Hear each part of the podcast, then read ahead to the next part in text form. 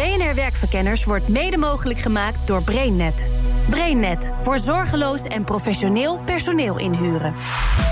BNR Nieuwsradio. BNR Werkverkenners. De economie groeit, talent wordt schaarser en dus ga je dit steeds meer horen. Hello. Hello. Hola. Hola. Xin chào. Xin chào. Xin chào. Bonjour. Bonjour. Bonjour. ¿Cómo está? ¿Cómo está? Assalamu alaikum. Assalamu alaikum. Inderdaad, hallo. Eh, En dat ga je ook horen binnen de muren van jouw bedrijf. Maar gaat dat eigenlijk wel goed samen? Al die talen en culturen op één werkvloer. BNR Werkverkenners.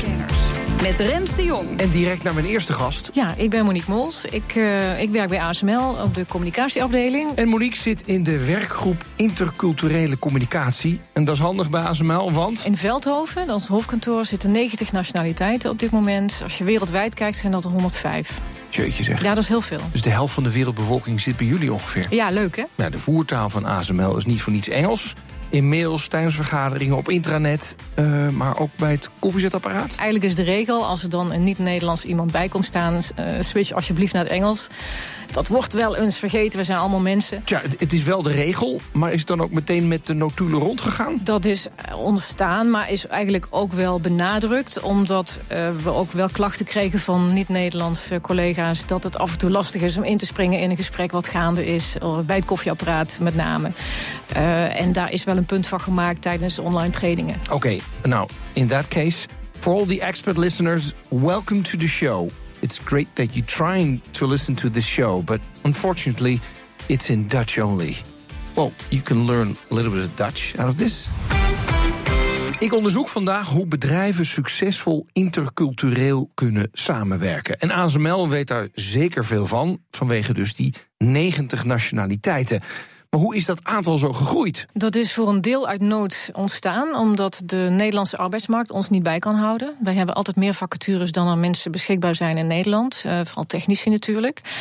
Een andere reden is dat onze klanten niet in Nederland zitten. Die zitten in Azië of in de Verenigde Staten. En dan is het heel goed als je ook nog die nationaliteiten binnen je eigen poorten hebt, natuurlijk. Dat, dat maakt de communicatie wat makkelijker. Um, maar een ander groot uh, voordeel van uh, heel veel nationaliteiten hebben, is dat je teams daardoor heel divers worden. Mm-hmm. Um, de technische problemen die onze teams moeten oplossen zijn dermate dat je het niet kunt veroorloven om daar dezelfde groepen mensen aan te laten werken. Dus stel dat jij alleen maar natuurkundigen uit uh, Nederland zou hebben en die laat je een technisch probleem oplossen, dan doe je jezelf tekort. Ja, maar dus de bedoeling is. Moet ik het omschrijven als een nood die een deugd is geworden? Ja, absoluut absoluut. En ook nog een van de ja, meest interessante dingen aan ASML op dit moment. Ja, we wat, merken wat, ook dat, dat we daardoor ook nieuwe mensen aantrekken. Want als je kijkt naar, uh, zoals bij Veldhoven, 90 nationaliteiten. Wat maakt dat een werkdag dan anders? Um, je, je, je wordt wel eens verrast door reacties van mensen. Uh, we hebben bijvoorbeeld ook het bedrijf er wel enigszins op aangepast natuurlijk. Um, uh, heel mooi voorbeeld, we moesten een nieuwe kantine hebben. We hadden een kantine waar je in de rij staat om naar binnen te komen. En de rij voor je broodje kaas en voor je melk en dat soort dingen. Toen hebben we gezegd, nou, we, we groeiden heel hard, dus we moesten een nieuwe kantine hebben. En meteen daarna is er ook uh, gezegd tegen elkaar...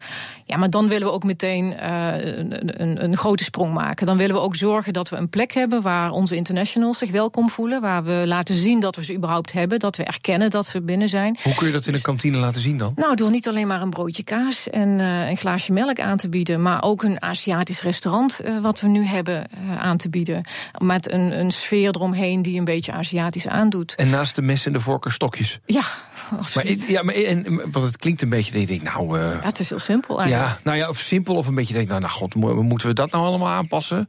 Ja, maar het is ook niet alleen leuk voor de mensen uit Azië. Het is ook leuk voor de Nederlanders. Dus wat je daar ziet bij dat Aziatische deel van ons restaurant... is dat ook de Nederlanders daar aan de rij staan. Maar bijvoorbeeld een ander heel simpel iets is... Uh, maak een hoekje waar je magnetrons neerzet... zodat mensen hun eigen maaltijd die ze thuis bereiden... omdat ze speciale wensen hebben... Uh, maar ook speciale ja, cultuur hebben...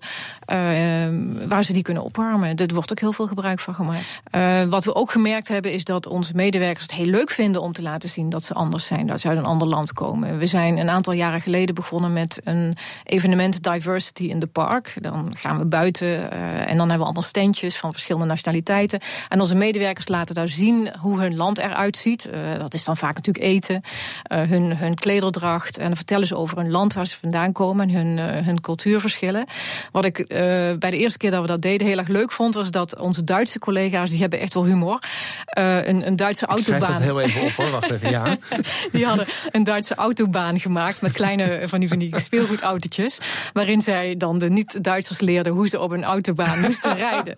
Nou, ik vond me helemaal geweldig. Ja. Uh, en, en ja, op zo'n moment uh, merk je ook hoe trots mensen zijn op hun cultuur. En hoe leuk het is om dat met elkaar te delen. En niet alleen medewerkers delen informatie over hun cultuur. Bedrijven delen ook hun kennis over Om ze beter te kunnen werven en te behouden.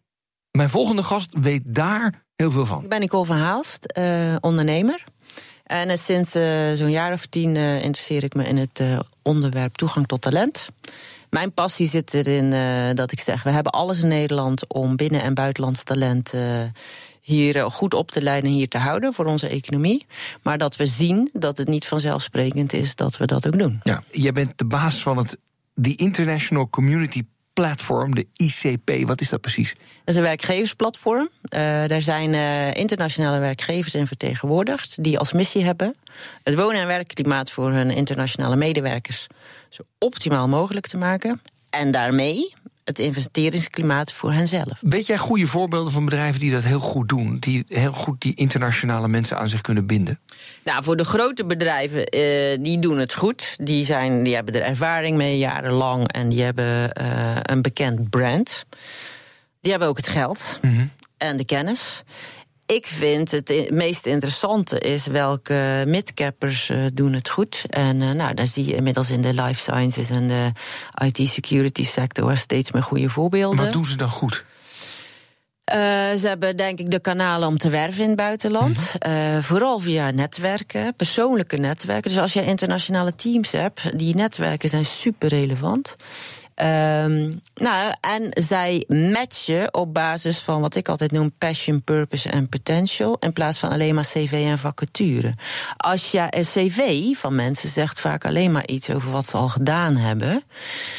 Uh, terwijl wij zeggen van als je gaat matchen op die drie P's, dat is veel meer toekomstgericht. En dat gaat veel meer zorgen dat je een uh, toekomstbestendige match hebt. Mm. Hè? Dus als jij gewoon echt iemand weet te binnen op basis van interesses en cultural fit, dan kan iemand, eh, ben je er iets zeker van dat iemand na die 2,3 jaar bij jou blijft. Ja.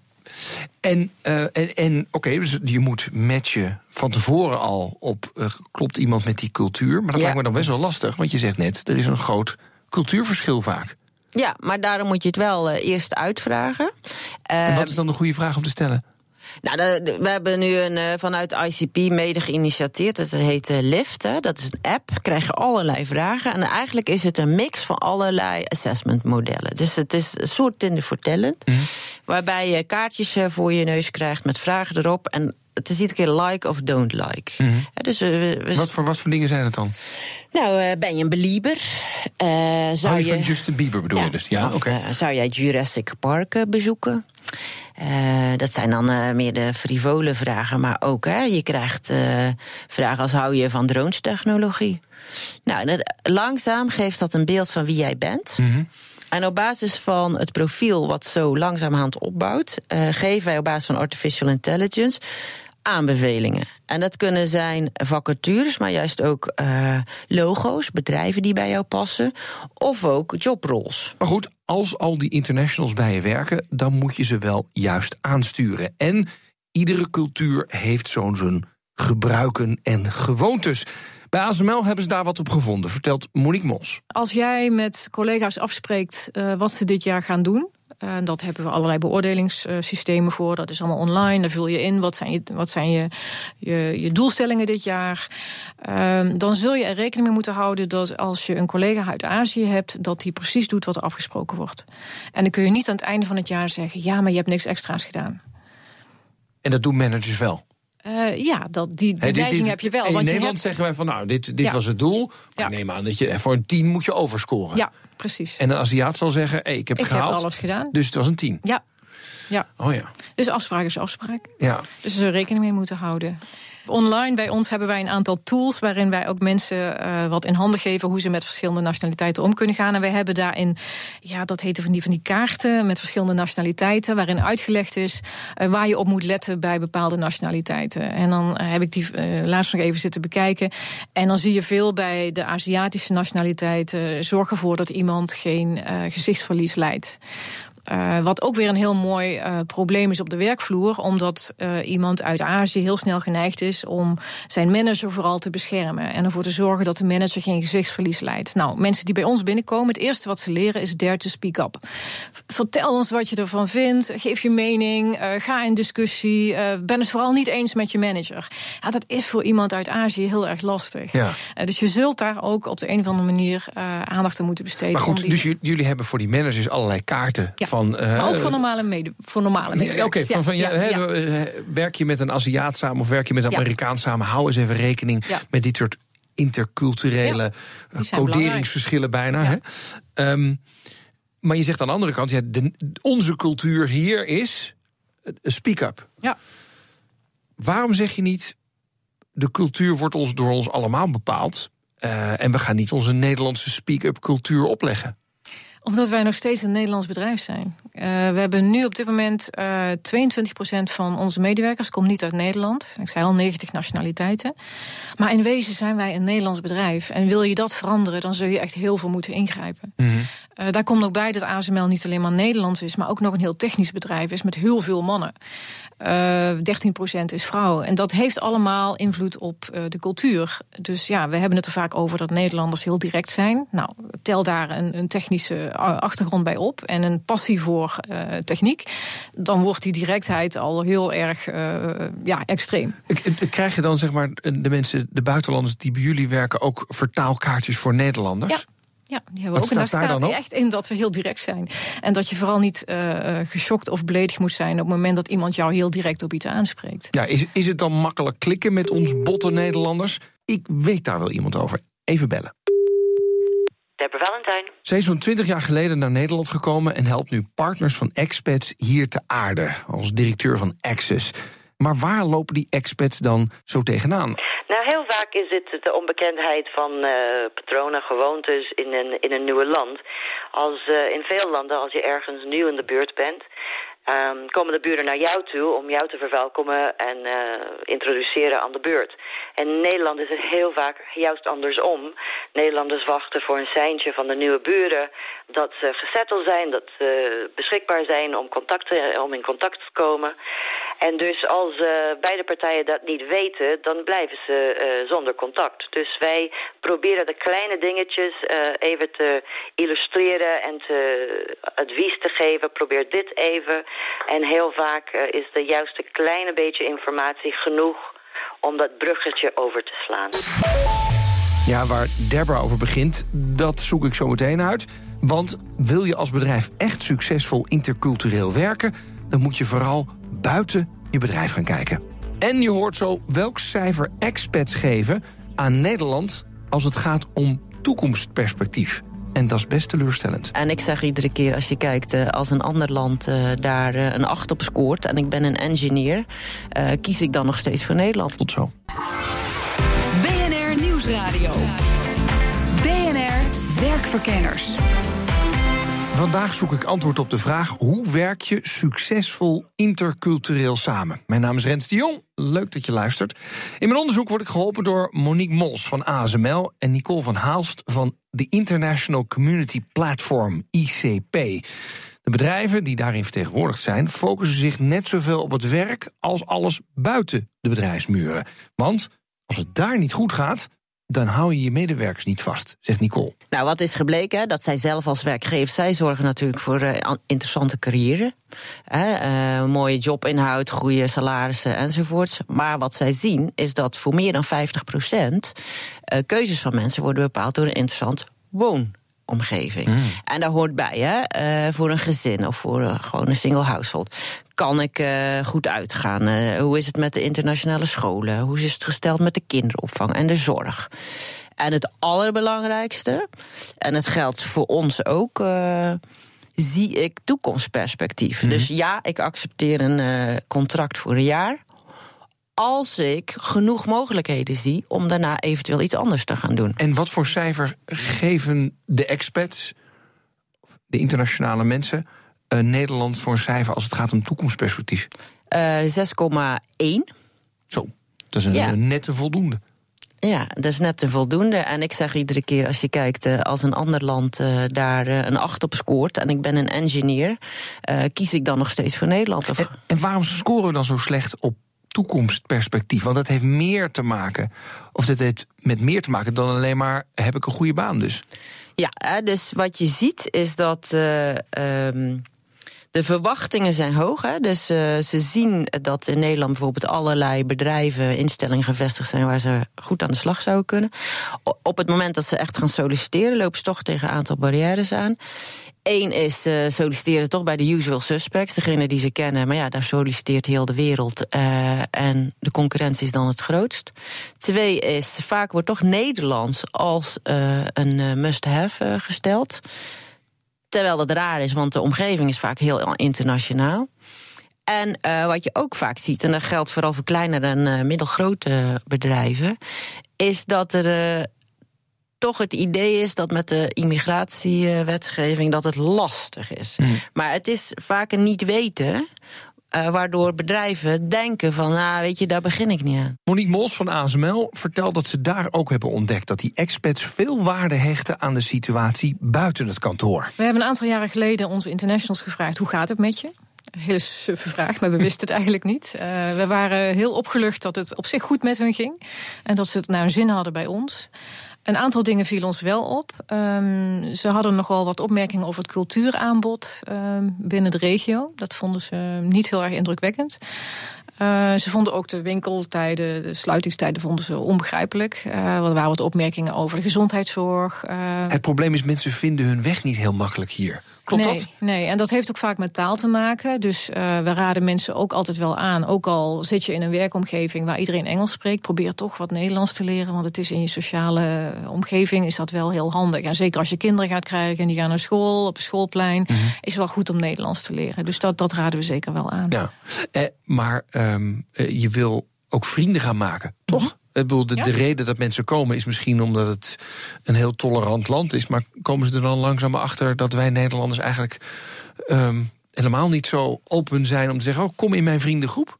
Nee, dat is best lastig. Eh, en dat, dat krijgen we ook terug van onze medewerkers. Eh, Nederlanders gaan om, wat is het, zes uur, half zes naar huis. Eh, naar de aardappelen.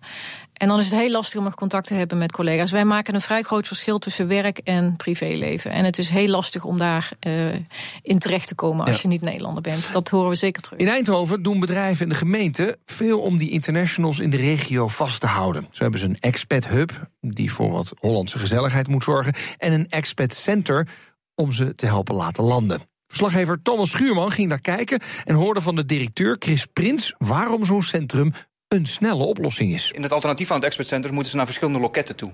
En dat is eigenlijk zowel voor die international als voor de werkgever eh, tijdsverlies. Eh, het is, eh, je moet aparte afspraken maken. Engelstalige dienstverlening is vaak niet helemaal optimaal. En zo'n expert center is eigenlijk een service die vanuit de lokale overheid richting die international en zijn werkgever wordt aangeboden. Een fast lane, als je het, als je, zo kan je het noemen. Is het eigenlijk ook de eerste plek waar expats eh, zo'n beetje landen hier in Eindhoven? Ja, het is echt de eerste plek sowieso waar ze met de overheid... Hè, want wij zijn een 100% overheidsorganisatie... waar ze met de overheid kennis maken. En dat willen we eigenlijk een, een warm welkom laten zijn... maar tegelijk ook zakelijk. Dus dat is een beetje de combinatie die we, die we opzoeken. En daarnaast zijn het zaken als, als huisvesting uiteraard... eh, de taal leren, eh, belastingen, gezondheidszorg. Het zijn allemaal zaken die, eh, waar mensen tegenaan lopen... en waar ze eh, ja, bij geholpen kunnen worden. Gaan we naar de andere kant, hè? Bas van der Kieft van de Expat Hub. Ehm, ja, hoe zorgt u dat die die expats hier een beetje een leuke tijd hebben? Dat doen we door uh, wekelijks diverse activiteiten te organiseren... en grotere evenementen uh, waarbij uh, bijvoorbeeld een, een, een, Colombiaanse avond... of een Italiaanse middag of een weekend... waarbij we samenwerken met de Oekraïnse omgeving... Ja. proberen hier die mensen met elkaar te verbinden. Ik zie bankjes, ik zie een zaal waar je ja, kunt optreden... waar je kunt dansen. Uh, uh, het parretje natuurlijk, hè, niet geheel onbelangrijk. Kunnen ze er niet gewoon uh, lekker de stad in gaan? Ze kunnen natuurlijk lekker de stad ingaan. Maar er zijn een hele hoop uh, internationals die toch op een soort weerstand hebben... om in een vreemde stad aan de gang te gaan. En dit geeft een veilige huiskameromgeving... waar ze als eerste binnen kunnen komen, contact kunnen leggen met lokale mensen... en met internationals. En wij helpen hen dan op weg om te integreren in de lokale uh, gemeenschap. Ja, dit bestaat al een paar jaar. Hoeveel mensen komen ja, op zo'n avond af? Nou, uh, dat hangt erg van de avond wat voor activiteit er is. Maar door het jaar heen krijgen we ongeveer 20.000 mensen over de vloer. De meeste activiteiten zijn ook open voor de lokale bevolking. En die brengen we hier dan ook naartoe. En dat is dan de mogelijkheid om uh, te integreren met de lokale gemeenschap. Ga ik naar, ga ik naar de expert eigenlijk, hè? Want, want daar ben je toch? Ja, ik ben Olivia van den Broek Neri en ik kom uit Amerika. Ja. En werk hier, hier bij de Expat Center. De, de experts zoeken elkaar op. In hoeverre um, mixen ze ook met mensen in Eindhoven, de Nederlanders zeg maar? Zij willen dat graag en soms is dat moeilijk om te doen. Omdat zij moeten heel hard werken natuurlijk. Iedereen werkt hard en, en zo op de weekend als hij niemand kent... dan wat ga je doen op de weekend? Of, so het is een plekje, een locatie. Zij weten waar het is. Het is naast de expat center. Ze zijn al naar de expat center gekomen. Het is ook al in het centrum? Ja, het is in het centrum. Je kunt zo een restaurantje of café in? Precies, zij kunnen daar bij elkaar ja, komen om eerst te ontmoeten. Als zij niemand kent, ze kunnen ook daar gaan op een vrijdagavond of op de weekend. Het maakt niet uit. En zij zijn niet alleen. En dat is het belangrijkste, dat je niet alleen voelt. Omdat Eindhoven is heel leuk, maar het kan ook moeilijk zijn. En dat is niet alleen moeilijk voor de expat, maar ook voor de partner van. Want die wil ook aan de bak zegt Nicole van Haalst. 85% van alle uh, households is dual career. Dus beide partners hoog opgeleid. Vaak volgt de een de ander. Nou, stel die ene zit in een contract, nou zit veilig, maar de, de man uh, komt mee. Uh, nou, die gaat ook uh, zoeken. En dat is gewoon moeilijk. Moeten zij er wat aan doen of moeten wij er wat aan doen? Beide. En ik zeg altijd uh, wij zeker, omdat het in ons belang is voor onze groei in Nederland, uh, dat we die mensen hier uh, naartoe halen en hier houden. Mm -hmm. dus ja, ik vind altijd de experts aan de ene kant leer de taal. Het maakt het sociaal aantrekkelijker en nou, het is gewoon leuk. Maar aan de andere kant, wij als lokale economie en nationale overheid ook, laten we vooral laten we zien wat er allemaal is. Nicole, zijn wij uh, potentieel geld aan het weggooien? Of, Absoluut. Ja? Ja. Om, omdat we mensen wel proberen met allerlei programma's hier naartoe te halen, maar dat ze redelijk snel weer weglopen? Ja. Nou, ik, ik heb, wij hebben een studie gedaan en uh, een soort uh, business model gemaakt voor werkgevers. Dat hebben we ook voor steden gedaan en ook voor universiteiten. Maar even om bij de werkgevers te blijven. Als jij er in staat bent om een ruime, een goede toegang tot internationaal talent te creëren, dan werkt dat zowel aan de kosten als aan de batenkant. Hè. Je haalt je kosten omlaag omdat je gewoon makkelijker toegang hebt. Dus je hebt minder te investeren om ze binnen te halen. Um, wat je ook ziet is dat uh, aan de kostenkant, als je ze langer kunt houden, heb je minder vaak wat ze dan noemen sunk cost. Dus uh, relocation, uh, opleiden, ze laten wennen. Die kosten heb je dan maar één keer. Mm. Aan de opbrengstenkant, en dat is denk ik nog veel interessanter, is je kunt je productiviteit enorm laten toenemen door een multicultureel uh, team. Uh, er zit veel creativiteit uh, in, ze leren veel van elkaar. Maar vooral ook, hè, het level of engagement gaat ten hoog. En vooral die toegang tot de internationale markten. Als jij een multicultureel team weet samen te stellen, wordt het veel gemakkelijker om toegang te krijgen. Ja, ja. Dus, de, dus een van de argumenten om multicultureel te werken is als je eenmaal een multicultureel team hebt, dan haal je ze ook makkelijker weer hier naar binnen en heb je minder last van die stress op goed talent. Ja, je haalt de mensen makkelijker binnen, maar ook de business. Ah, het verkoopt weer makkelijker. Ja. Want je, omdat je gebruik maakt van de netwerken van je mensen ja. in de landen van herkomst. Zij weten de, hoe de cultuur daar in elkaar zit. Dus zij weten veel beter van uh, hoe ga ik die marketing daar doen. Ja. Jij zei we gooien geld weg. Na hoeveel tijd gaat gemiddeld een expat weer terug of weg? Uh, 2,3 jaar is nu voor de generatie van 35 en jonger. 2,3 jaar? Ja, en dat geldt niet alleen voor expats. Ik zeg, uh, Nederlanders uh, zijn ook steeds meer internationaal georiënteerd. Dus wij noemen dat global talent. Uh, 2,3 jaar is de gemiddelde contractstuur nog. Bij ons, mijn leeftijd was het 12 en nu 2,3. Maar het is hartstikke zonde als ze dan weer weggaan. Hebben we al die ja. moeite gedaan? Ja, heel zonde. Fiets zo weer weg. Ja. BNR Werkverkenners. De conclusie. Nou, de vraag in deze uitzending was: hoe werk je succesvol intercultureel samen? En het werd een breed onderzoek. Conclusie 1. Begin vooral door internationals niet alleen op cv uit te zoeken, maar kijk ook of ze bij het bedrijf passen. 2. Zorg dat je bedrijf zich aanpast aan die international, bijvoorbeeld door Engels te praten. Maar vraag ook iets terug. Leer ze ook zich aan jouw bedrijfsvoering aan te passen. En nummer 3, het belangrijkste: laat hen en hun familie zich aarden in de regio. Laat ze zich thuis voelen. Geef mogelijkheden om door te groeien. Want als dat niet lukt, zijn ze zo weer weg. Volgende week, we praten er al jaren over, het nieuwe werken. Maar werkt het nieuwe werken nog? Wil je meer van deze uitzending? Kijk dan even op onze LinkedIn-pagina en de podcast op iTunes. Tot volgende keer. BNR Werkverkenners wordt mede mogelijk gemaakt door BrainNet. BrainNet voor zorgeloos en professioneel personeel inhuren.